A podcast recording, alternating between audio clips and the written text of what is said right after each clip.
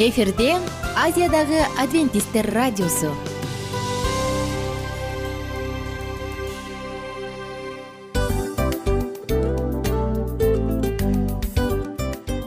Достор салют. Баардык сүйүктүү угармандарыбызга салам айтабыз. Кутман күнүңүздөр менен.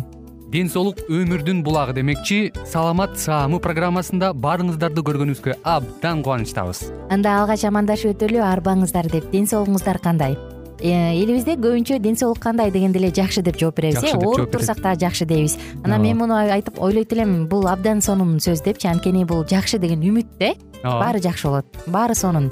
Деп үмүттөнүп атып эле өзүбүздү өзүбүз дарылап коебуз. Анысы кандай? Сиздин дагы ден соолугуңуз жакшы беш деген үмүттөбүз чындыгында ден соолук бул өмүрдүн булагы деп бекеринен айтылган эмес деп ойлойм. Кыргыз элинде анткени эгерде ден соолук жок болсо анда адамдын жашоосунда калган баардык керектүү маңыздуу нерселер өзүнүн баалуулугун жоготуп коет. Ошондуктан ден соолук бул эң керектүү нерсе. Ооба туура айтасың кесиптешим. Чынында ден соолугуң жок бир эки үч күн ооруп калсаң эле э кандай болуп калат? Жашоодо көз каранды болуп каласың көп нерсеге жетишпей каласың көп нерсени кыла албай каласың жада калса эшикке дүкөнгө да чыга албай каласың. Туптуура анан ден соолук болсо демек биз биздин бактыбыз тотой деп койсок болот. Анда достор саламат рубрикабызды баштайлы. Алдыда өзүңүзгө керектүү болгон сонун кеңештерди уга аласыздар. Мына ошондуктан биз менен бирге болуңуздар. Ал эми биз болсо милан жана айнура. Кеттик алга. Алга саламат саама ден соолуктун жарчысы. Саламат саама ден соолуктун ачкычы. Күн сайын сиз үчүн мыкты кеңештер сонун жаңылыктар кызыктуу фактылар биздин рубрикада.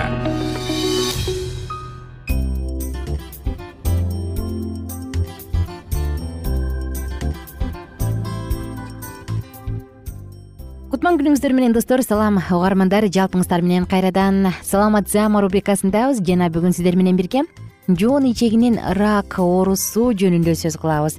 Дал ушул учурда ичеги карынды кантип коргош керек? Кандай сок ичиш керек? Мына ушул тууралуу алдыда сөз кылабыз. Эске сала кетсек тыңдап жатканыңыз пайдалуу суусундуктар деп аталган цикл жана бул циклдун алкагында сиздер менен бирге пайдалуу суусундуктарды адамдын ден соолугуна эң чоң зор таасир тийгизе турган суусундуктарды бөлүшүп жаткан чагыбыз. Анда эмесе жөнөдүк биз менен бирге болуңуздар жоон ичегинин рак оорусу учурдун эң көп катталган оорулардын катарын түзөт экен тилекке каршы. Тагыраак айтканда бул оору дүйнө жүзүндө катталган оор төрт оорулардын катарын толуктайт бул оору акыркы жылдары он пайызга көбөйгөндүгү дагы айтылат караңыздарчы. Ага себеп катары туура эмес тамактануу ашыкча стресс жана ичеги карын оорулары дагы кирет жоон ичеги рак оорусунун бирден бир өзгөчөлүгү анын тымызын бара бара күчөй берүүсүндө. Бул оору күчөп отуруп ич шишийт ич ооруйт кан келет бат чарчоо арыктоо белгилери байкалат. Аталган дартка кабылгандар туура тамактанып зыяндуу адаттарды арылууга канчалык аракет кылбасын адистер анын толугу менен айыгып кетүүсүнө кепилдик бере албайт. Тамеки чегүү алкоголь колдонуу семирүү генетикалык оорулар полип диабет ичеги карын оорулары жоон ичеги рагын пайда кылчу себептер. Булардын баардыгы мына себептер. Жоон ичеги рагынан арылуу жолдору. Жогоруда жүз пайыз кепилдик бере алышпайт десе дагы адам сөзсүз түрдө аракет кылышы керек э? Мында майлуу тамак аштардан баш тартып мурда даярдалган сосиска колбаса жана эттерди жегенден качыңыз анын ордуна күнүгө мөмө жемиштерди жана жашылча жемиштерди колдонууга өтүңүз. Тамеки чегүүдөн баш тартыш керек жүз пайыз. Ашыкча салмактан арылыш керек. Ар күнү жок дегенде отуз мүнөт жөө жүрүңүз. Кальций жана витамин днын жетиштүүлүгүн көзөмөлгө алыңыз. Мынакей достор. Бул канчалык бир деңгээлде биздин ден соолугубузду туура жана оорубастан сактап жүргөнгө дагы жардам берет э караңыздарчы достор. Көп оорулардын эң эле негизги тамыры бул стресс болуп саналат. Кандай гана оору болбосун негизи бул анын түбү стрессте жатат. Ошондуктан биздин ден соолугубузду биздин адамдын өзүнүн колунан келген нерселерди гана ойлонгону боло турган болсо анда бул чоң жетишкендик болмок. Дагы эмнени айтса келсек болот. Жоон ичеги рагы белгилери сыяктуу ал баягы жоон ичегиде ич көбүшү мүмкүн. Дагы бир белгиси бар экен ушундай жана адамда шалдыроо жагымсыз өзүнө болгон сезимдер пайда болушу мүмкүн ичеги курулдашы мүмкүн экен ар кандай оорулардан улам пайда болушу мүмкүн. Акыркы учурда тилекке каршы ичеги карын ашказан оорулары менен улуу адамдар эле эмес жаштар дагы өтө көп кайрылып жатканын айтышат. Караңыздарчы мисалы жылда мурунку учурда мындай оорулар улуу адамдарга тиешелүү бул улгайган адамдарга тиешелүү десе азыркы учурда акыркы жылдарда ашказан оорулары ичеги оорулары жыл санап жашарып бараткандыгын айтат. Он эки эл ичегинин жарасы канаганда токтотууга мүмкүнчүлүк бар экен. Кээде жаралар жарылганда ашказан же эки эле ичегиде зилдер башка органдарга дагы тарап кетет. Ичегидеги жара менен көп убакыт жүрө берсе ал өзүнчө айыккан түр көрсөтүп тырык болуп калат анан жеген тамак аштын баары ашказандан ылдый кетпей ордунан ачый баштайт. Жыйынтыгында оорулуу арыктап ичкен тамагын кусуп дайыма кээкирип жүрүп калат. Ошондуктан абайлаш керек бул нерсени. Залалдуу шишиктер жөнүндө опухоль же рак оорулары жөнүндө айтсак биринчиден туура эмес тамактануу көп кычырдануу тукум куучулук инфекциянын болушу туз кислотасы көбөйгөндө дагы дал ушул нерсе пайда болот. Жана сапасыз ичимдик ичкенден улам окшуп кусканда ашказандагы былжырлар жарылып канайт. Анан жара пайда болот дагы залалдуу шишик андан ары пайда болуп кетиши мүмкүн. Достор тилекке каршы акыркы учурда коркунучтуу оорулар абдан көбөйүп келе жаткандыгы учуру бирок ошентсе дагы сергек жашоо образын сактап ар бирибиз өзүбүздүн саламаттыгыбызга кам көрө алабыз. Бүгүн сиздер менен ичеги карындын коргоочусу деп аталган сок менен бөлүшөлү деп турабыз. Мындай сок достор абдан пайдалуу. Бул шпинат жөнүндө сөз кылмакпыз биринчи анткени шпинатта лютеин каротоноид абдан көп ал лютеин каротоноидке бай болгондуктан өзгөчө жоон ичегинин рак оорусуна каршы күрөшүүдө мыкты эффективдүү. Брокколи. Ал бир гана сүт бездеринин рак ооруларынан гана эмес жалпы эле рак ооруларынан жана жоон ичегинин рак оорусунан дагы коргой алат. Бул азыктарды аралаштыруу менен биз сөзсүз түрдө рак оорусуну алдын ала алабыз. Эмесе ингредиенттер кандай ингредиенттер жазып алсаңыз болот? Бизге керектүү ингредиенттер бир порция үчүн бир порциянын өлчөмү эки жүз элүү миллилитр эки даана алма орточо өлчөмдө эки чашка шпинат бир качан брокколи эки аш кашык сулуунун даны үлпүлдөгү. Эми достор алманы шпинатты брокколинин баардыгын тең соковыжималкадан өткөрүп алыңыз ага сулуунун үлпүлдөгүн кошуңуз дагы аралаштырыңыз. Эрип кеткенчекти аралаштырыңыз.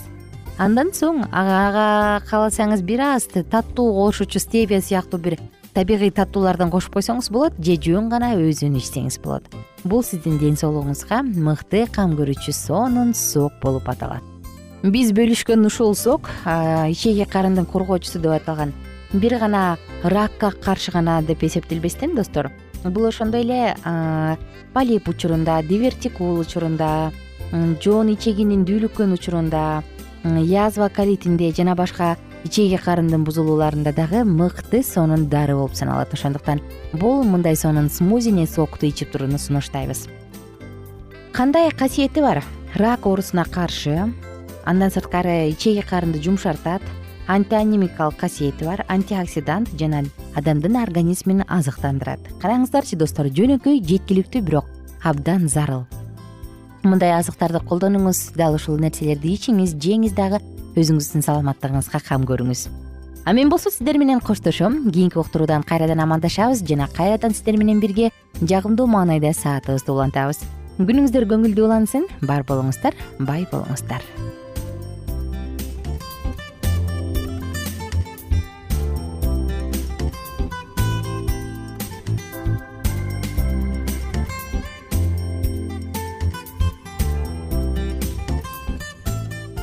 кененирээк маалыматтар үчүн үч w чекит саламат чекит клуб сайтына келип таанышыңыздар. Жана андан тышкары социалдык тармактарда youtube facebook жана instagram баракчаларына катталыңыз. Саламат саама ден соолуктун жарчысы. Саламат саама ден соолуктун ачкычы. Күн сайын сиз үчүн мыкты кеңештер сонун жаңылыктар кызыктуу фактылар. Биздин рубрикада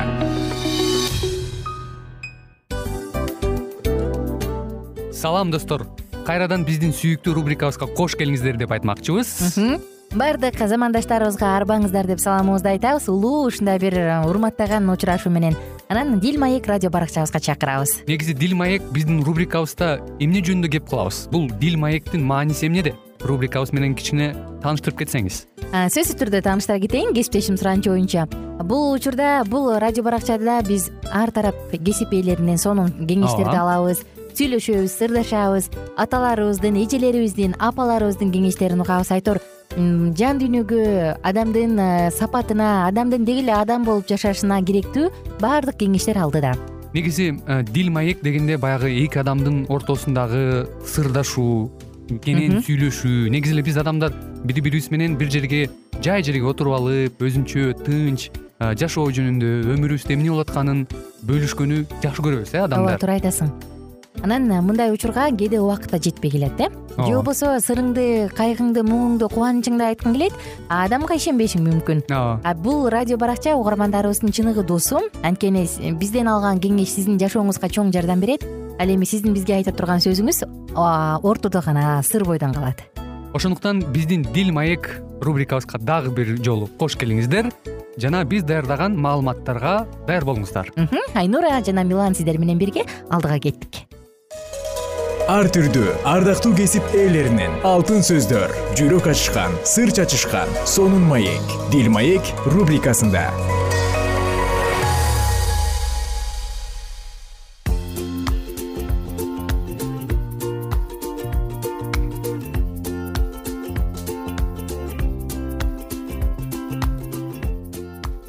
саламатсыздарбы кадырлуу замандаштар сүйүктүү достор жалпыңыздар менен кайрадан дила дил маек уктуруусундабыз. Дилдин азыгы дилдин маеги бүгүн сиздер менен бирге биз пенина кызганычын ооздуктай албаган аял деген теманын үстүнөн сөз кылалы деп турабыз. Сиздер менен бирге бул уктурууда аял жубай жана эне деп аталган циклды баштаганбыз жана тарыхта ыйык жазууга түшүп калган аялдардын автобиографиясы жашоосу алардын жашоосунан эмне сабак алса болот мына ушул тууралуу сонун маалыматтарды угуп жатканбыз. Достор анда бүгүн сиздер менен бирге кызганыч жөнүндө дагы сонун бир маалымат алат экенбиз. Демек угармандарыбыздын баардыгын чакырабыз. Медицина тармагындагы чыгаан адамдар көптөгөн оорулардын эң негизги себеби нервтин бузулуусу экенин аныкташкан. Мисалы узакка созулган жана күчтүү жек көрүү мээнин иштөөсүн бузуп жүрөк ооруларына чалдыктырып кан басымынын жогорулашына ичеги карын ооруларына алып келет. Бул оорулар өтө олуттуу. Алар адамды өлүмгө алып келиши толук мүмкүн дейт роберт фостер. Пенина кызганычын ооздуктай албаган аял. Эпрайым тоосундагы раматайым сотим шаарында элкана аттуу ефраталык адам жашаган ал жерохамдын уулу эле. Жерохам элинин уулу болгон. Анткени кызганчаактык күйөөсүнүн каары. Ал өч алган күнү аябайт. Ал эми көрө албастык сөөккө ириң каар катаал жаал тыйылгыс. Бирок кызганчаактыкка ким туруштук бере алат? Пенина бүлүнүү мезгилинде жашап жатат. Анын эли өз тарыхындагы өтө кайгылуу учурду баштан кечирип жатат элди билгичтик менен башкарган муса менен нундун уулу жашия өлгөндөн кийин башкаруучулардын мезгили келди. Ысрайылдын кудайы ысрайылды өзү башкаруучуну каалаган теократия мезгили өтүп кетти. Эл кудайды унутуп барган сайын бутка табынуучулукка көбүрөөк бериле башташты. Жогорулоонун ордуна бүлүнүү мезгили аны менен бирге баш аламандык келди. Эч ким бийликке баш ийбей мыйзамдарды сактабай калды ар ким өз билгенин кылып калды. Ар ким өзү каалаганды жана өзү туура деп эсептегенди кылып калды. Рухий жашоодо да абал жарытарлык эмес эле. Ыйык кызмат кылуучулардын башчысы эйли өзүнө кудайдын каарын чакырып алды. Анткени уулдары копни менен пинехастын уятсыз иштерине чыдап жүрө берген эле. Ал уулдарына тыюу салбай жүрө берип кудайга арналып алынып келинген курмандыктардын ичинен эң жакшысын алардын жеп коюшуна жол берген алар ыйык жайды булгашып аны бузукулук иштер кылына турган жайга айлантып жиберишкен. Ошентип алардын бул жана башка көптөгөн күнөөлөрү үчүн кудайдын каары топтоло берди. Илиянын тукуму өзүнүн ыйык кызмат кылуу укугунан ажырады. Ал эми ысрайыл эли өзүнүн эң кас душманы периштеликтер менен болгон салгылашууда жеңилүүгө учурады. Бирок баарынан өкүнүчтүүсү кудайдын өз элине кайрылуусу барган сайын азая берди. Кудай менен элдин ортосундагы байланыш дээрлик үзүлүп калды. Ал күндөрү теңир сөзү сейрек болду. Көрүнүштөр да көп болгон жок. Караңыздарчы. Пенинанын үй бүлөсүндө да баары жакшы деп айтышка болбойт. Анын күйөөсү элкана эки аял алган. Эки аял алууга тыюу салынган эмес бирок анын осуятында мындай нерсенин жоктугу кудайдын дүйнөнү жаратуу тартибинен келип чыккан. Кудай бир эркекке бир аялды бир аялга бир эркекти эле берген. Эл кудайдын осуяттарынан четтеп кеткендиктен теңир алгач тун уулдун укуктарын аныктай турган насааттарды берген. Кудайдын осуяттарын бузган адам өзү кыйынчылыкка дуушар болуп башкаларга дагы кыйынчылык алып келет. Элкана бул тууралуу айтып берсе деле болмок. Анын үй бүлөсүндөгү абал жан чыдагыс болуп кетти чыр чатактардын дагы бир себеби пенинанын балдары бар. Ал эми аннанын балдары жок экендигинде эле бул үй бүлөдө кудайга кызмат кылууга өзгөчө көңүл бурушкан. Ар кимисинин жекече диний милдеттери болгон. Бирок пенина үчүн бул эч кандай мааниге ээ эмес. Пенина нааразыланып эле жүрчү. Кудай батасын берип балалуу кылганы үчүн жана алган баардык баталары үчүн бир да жолу кудайга ыраазычылык билдирген эмес ал өз жашоосун өзү бузган анткени ыраазычылык билдирип көнгөн эмес. Жакынына болгон сүйүү деген эмне экени жөнүндө пенина ойлогон да эмес. Еврей аял болгондуктан анын тагдырына нааразы болгонго акысы жок анткени көп балалуу ал эми балалуу болуу кудайдын батасы болуп эсептелген. Өзүнүн көнү көзү өтсө да артында балдары калат. Буга карама каршы анна баласыз болгондугунун айынан көп азап чеккен. Бузуктуктун заманында жашап жатса да анна күнөөгө баткан эмес. Кудай анын ойлорун жана кылган иштерин башкарган. Анна сүйкүмдүү момун аял эле. Элкана эки аялынын ортосундагы айырмачылыкты даана көрүп турат. Ал пенинага караганда аннаны көбүрөөк жакшы көрчү. Бирок пенина аннадан үлгү алган эмес тескерисинче ал көп бала төрөгөндүктөн өзүн аннадан жогору койчу. Эне болуу бактысына ээ кылгандыгы үчүн кудайга ыраазычылык билдирүүнү анын оюна дагы келчү эмес. Пенина кызганчаак ал дайыма аннаны жадатып басынта берчү мындай көрүнүш майрамдар башталганда күчөй турган. Анна үчүн майрамдар өзүнчө эле кыйноо болчу. Анткени майрам күндөрү адамдар шилого үй бүлөлөрү менен чогуу кудайга табынууга барышат ошондо анын баласыздыгы өзгөчө байкалып кайгысы көбөйө турган. Пенина аннаны ыза кылуу үчүн баарын кылат. Кызык э караңыздарчы кээде биз ыраазы болмок тургай колубузда бар нерсеге биз ээ болгон нерсени көргөнгө дагы мүмкүнчүлүгүбүз мындай кандай десем көзүбүздү май басып калабы ушундай болуп калат эмеспи. Мына ошондуктан нааразы болуп колуңда бар нерсени барктай албасаң анын аягы эмне болот? Бул тууралуу биз кийинки уктурууда угабыз пенинанын тагдыры кандай болот? Аннанын тагдыры кандай болот? Кызык э? Асман жердей айырмаланган аял аялдар. Пенина дайыма нааразы кызганчаак басынтып турат аннаны шылдыңдап турат колдон келген жеринен. А анна тескерисинче момун жоош аял дейт. Кийинки уктурууда биз саатыбызды улантабыз жана сиздер менен окуяны андан ары окуйбуз. Күнүңүздөр көңүлдүү улансын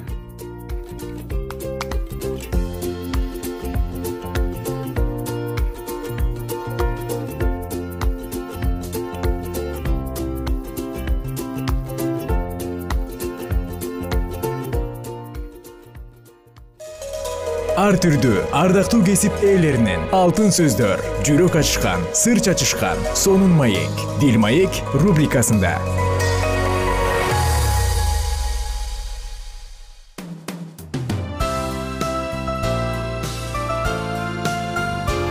Эфирде азиядагы адвентисттер радиосу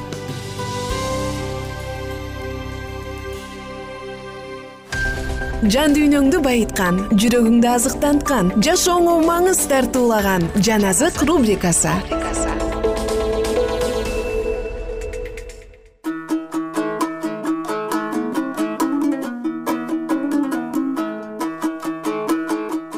кутман күнүңүздөр менен кадырлуу замандаштар жалпы биздин сүйүктүү угармандарыбызга ысык салам айтабыз. Жана сиздер менен бирге кайрадан кийинки уктуруубуз болгон жакшы сонун жаназык уктуруусу жалпы угармандарыбызды жаназык уктуруусуна чакырабыз. Жана достор сиздер менен бирге элчилердин иштери китебин окууну улантабыз. Эске сала кетсем биз мурунку уктуруубузда элчилердин иштеринен жыйырма төртүнчү бөлүмдөн окуганбыз. Эми андан ары уланталы болгону мен алардын арасында турганымда үнүмдү катуу чыгарып силер мени бүгүн өлгөндөрдүн тириле тургандыгы жөнүндөгү окутуу үчүн айыптап жатасыңар дегем. Муну укканда бул окутуу жөнүндө толук маалыматы бар феликс аларга мен силердин ишиңерди миң башы луси келгенде териштирем деп тергөө ишин кийинкиге калтырды. Жүз башыга болсо пабылды камакка алууну бирок кысымга алмоону жана жакындарынын эч биринин ага кам көрүп туруусуна же келүүсүнө тыюу салбоону буйрук кылды.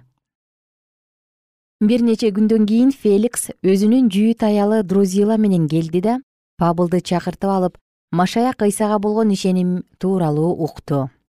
Пабыл адилеттик өзүн өзү тыюу жана келечектеги сот тууралуу айта баштаганда феликсти коркунуч басты ошондуктан ал. Азыр бара бер убакыт болгондо өзүм чакыртып алам деди. Ошол эле учурда феликс пабылдан бошонуш үчүн акча берет деп үмүттөнгөндүктөн аны тез тез чакыртып алып сүйлөшүп турду. Эки жылдан кийин феликстин ордуна порки фест келди. Жүйүттөргө жаккысы келген феликс пабылды түрмөгө калдырды. Элчилердин иштери жыйырма бешинчи бөлүм. Бийликке келгенине үч күн болгондон кийин фест кейсариядан иерусалимге жол тартты. Иерусалимде ага башкы ыйык кызмат кылуучу менен жүйүттөрдүн эң атактуу адамдары келип пабылдын үстүнөн арызданышты. Алар андан бизге жакшылык кылып пабылды иерусалимге чакыртып бер деп өтүнүштү. Анткени алар аны жолдо өлтүрүүнү ойлоп жатышкан эле. Бирок фест пабылдын кейсарияда камакта экендигин жана өзү да жакын ошол жакка бараарын айтты да. Араңардан барганга мүмкүнчүлүгү барлар мени менен барышсын эгерде ал адамдын кандайдыр бир айыбы бар болсо анда айыпташсын деди.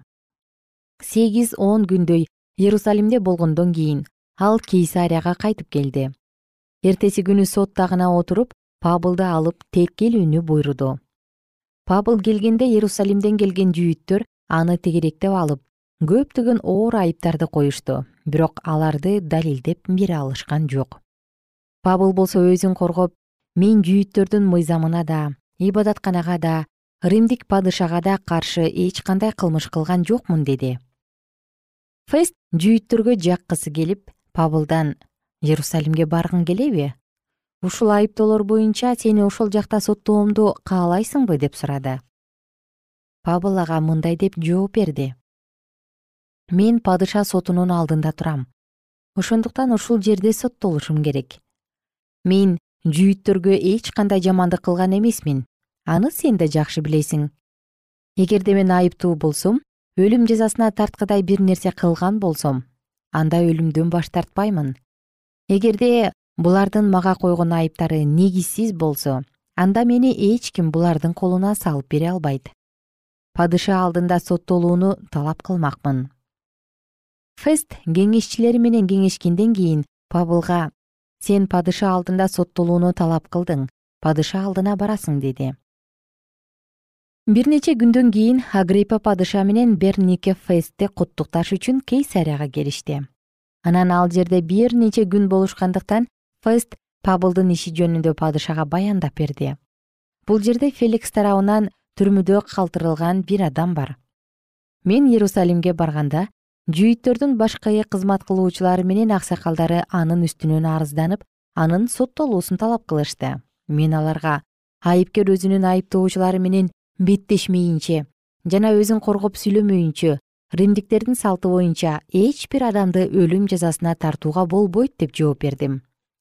Алар мени менен бул жерге келишкенде мен эч создуктурбастан эртеси эле күнү сот тагына отурдум да ал адамды алып келүүнү буйрудум аны тегеректеген айыптоочулар ага каршы мен күткөндөй айып кое алышкан жок.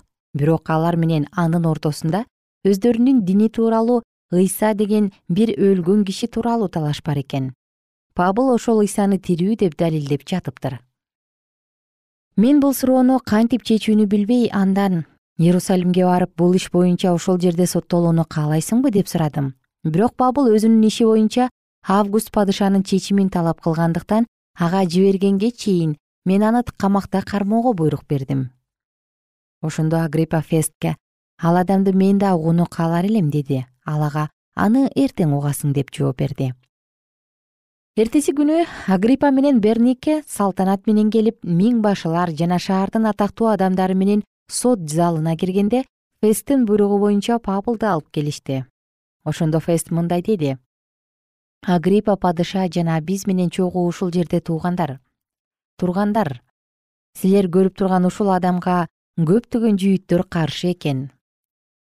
Иерусалимге барганымда да ушул жерде да алар мага келишип анын өлүшүн талап кылып кыйкырышты.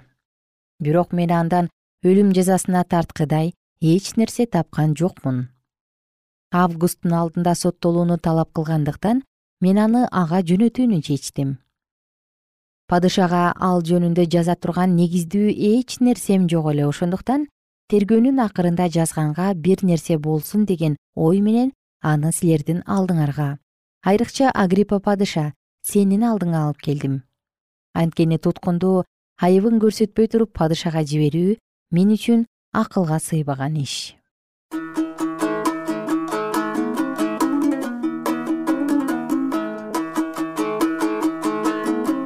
ардактуу угармандар биз сиздер менен уктуруубузду ушул жерден токтотобуз. Кийинки уктурууда пабыл агриппа падышанын алдында эмне деп жооп берген? Андан кийин деги эле ал акталдыбы? Же ушул бойдон акталган жокпу? Мына ушул тууралуу кененирээк сөз кылабыз.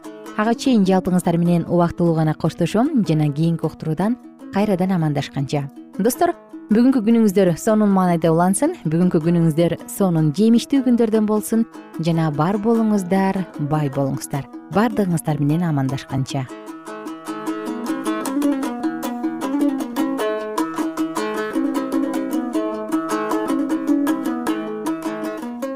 Эгер сиздерде суроолор болсо же көбүрөөк маалымат билем десеңиз анда биздин whatsapp номерибизге жазыңыз. Плюс бир үч жүз бир жети жүз алтымыш алтымыш жетимиш. Кайрадан плюс бир үч жүз бир жети жүз алтымыш алтымыш жетимиш.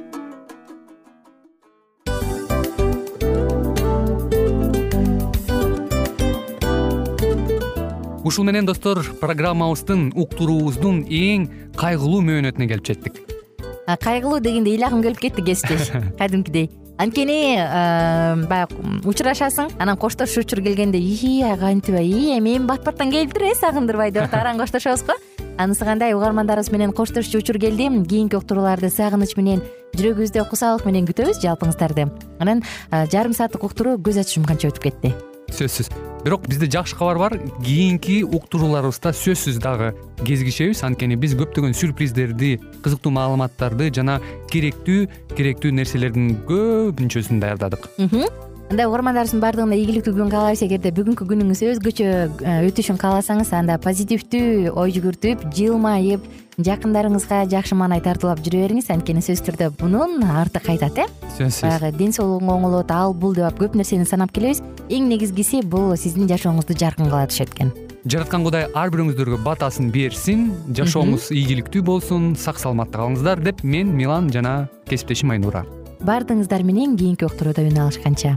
Баарыңыздарга ийгилик каалайбыз